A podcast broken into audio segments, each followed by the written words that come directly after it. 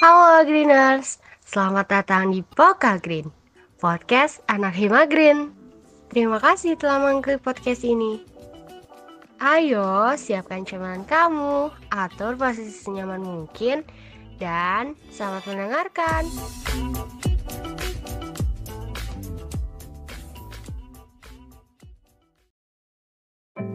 Assalamualaikum warahmatullahi wabarakatuh. Free will merupakan suatu paham pemikiran yang mengatakan bahwa manusia bebas memilih bagaimana ia akan bertindak dan berperilaku. Atau dengan kata lain, manusia bebas nih memilih nasibnya sendiri atau merdeka. Contohnya, mereka beranggapan bahwa manusia yang dewasa dan berakal bebas untuk memilih melakukan tindak kriminal ataupun tidak. Nah, jadi setiap kejadian, setiap tindakan yang manusia lakukan tidak ada hubungannya dengan kejadian-kejadian di masa lalu ataupun di masa yang akan datang.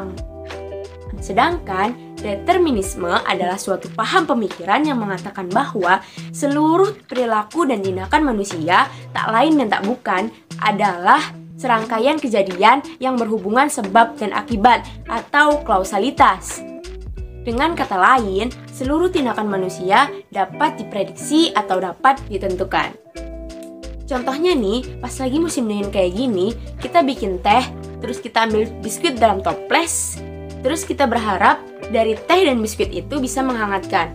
Nah, antara musim dingin, teh, biskuit, dan menghangatkan memiliki keterikatan satu sama lain dan tidak dapat dilepaskan. Oleh karena itu, paham determinisme ini mempercayai bahwa setiap serangkaian kejadian yang uh, aktivitas kita lakukan merupakan tindakan-tindakan yang saling berhubungan satu sama lain dan tidak bisa saling terpisahkan. Apakah ada istilah konsep pemikiran dalam Islam? Ilmu mengenai paham teologi, skolastik, dan doktrin dalam Islam disebut dengan ilmu kalam. Terdapat beberapa aliran dalam ilmu kalam. Ada golongan Mu'tazilah yang berpendapat bahwa manusia pasti punya free will karena Tuhan yang maha baik dan maha mulia membebaskan manusia untuk bertindak dan berperilaku. Selaras dengan Mu'tazilah, golongan Qadariyah pun berpendapat bahwa Allah tidak memiliki kuasa atas tindakan-tindakan manusia karena manusia menciptakan tindakan-tindakannya sendiri. Baik itu tindakan patuh dan tidak patuh kepada Allah maupun sesamanya dan daya untuk mewujudkan tindakan-tindakan tersebut sudah ada bahkan sebelum tindakan-tindakan itu dilakukan. Kemudian ada golongan Asyariah yang berpendapat bahwa manusia tidak memiliki free will karena manusia memiliki kebebasan untuk bertindak, namun manusia memiliki keterbatasan dalam berpikir. Hanya Tuhanlah yang berkuasa menjadikan hal tersebut menjadi sebuah tindakan manusia. Lalu ada golongan Jabariyah yang menganut paham determinisme bahwa manusia sama sekali tidak punya kendali atas tindakan-tindakan yang mereka lakukan. Mereka memahami bahwa manusia dikuasai oleh takdir yang saling berhubungan dan tidak bisa mengubahnya. Artinya, manusia tidak punya andil sama sekali dalam perbuatannya. Tuhanlah yang menentukan segala-galanya. Jadi aliran apa yang harus diikuti? Ahlus sunnah wal jamaah yaitu dengan mengikuti para alim ulama yang tidak diragukan keimanannya dan ilmunya. Dalam hal ini, kita perlu memahami terlebih dahulu rukun iman yang keenam, yaitu kodo dan kodar. Dalam bahasa Arab, kodo berarti kesempurnaan atau lengkap.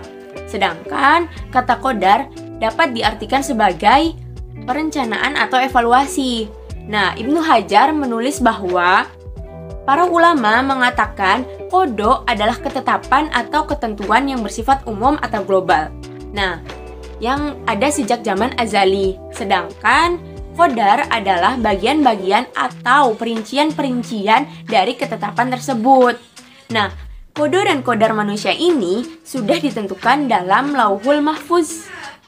ألم تعلم أن الله يعلم ما في السماء والأرض إن ذلك في كتاب إن ذلك على الله يسير Apakah kamu tidak mengetahui bahwa sesungguhnya Allah mengetahui apa saja yang ada di langit dan di bumi? Bahwasanya yang demikian itu terdapat dalam sebuah kitab lauh mahfuz. Sesungguhnya yang demikian itu amat mudah bagi Allah. Quran Surah Al-Hajj ayat 70 Ide mengenai suatu ketetapan Allah yang tidak berubah dilambangkan dengan suatu citra literatur bernama Lauhul Mahfuz. Mengandung semuanya termasuk kitab suci Islam yaitu Al-Quran. Penggunaan istilah Lauhul Mahfuz membawa realitas yang mutlak dari takdir Allah melalui representasi sebuah benda yaitu sebuah kitab yang telah familiar konsepnya untuk kita. Meskipun Lauhul Mahfuz tentu tidak sama wujudnya dengan kitab-kitab yang telah kita ketahui. Nah, Al-Quran dan As-Sunnah mengambil jalan tengah dari kedua sisi ekstrim ini, yaitu mengakui ketetapan Allah Subhanahu wa taala dan juga adanya tanggung jawab bagi seluruh umat manusia. Jadi, tidak semua manusia akan menempuh takdir yang membawanya menuju neraka secara langsung.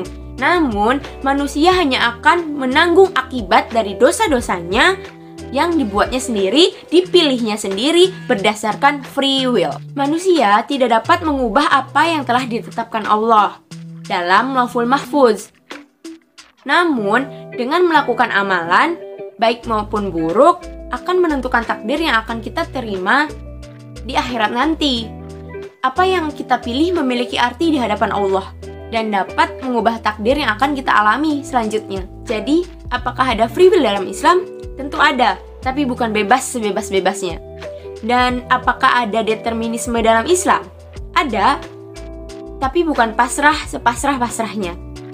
Terima kasih. Wassalamualaikum warahmatullahi wabarakatuh. Autor bukan pakar, hanya seorang pembelajar. Mohon maaf jika ada salah kata. Untuk kritik dan saran yuk tulis di komentar wajah tersenyum. Terima kasih telah mendengarkan episode ini. Sampai jumpa di episode selanjutnya.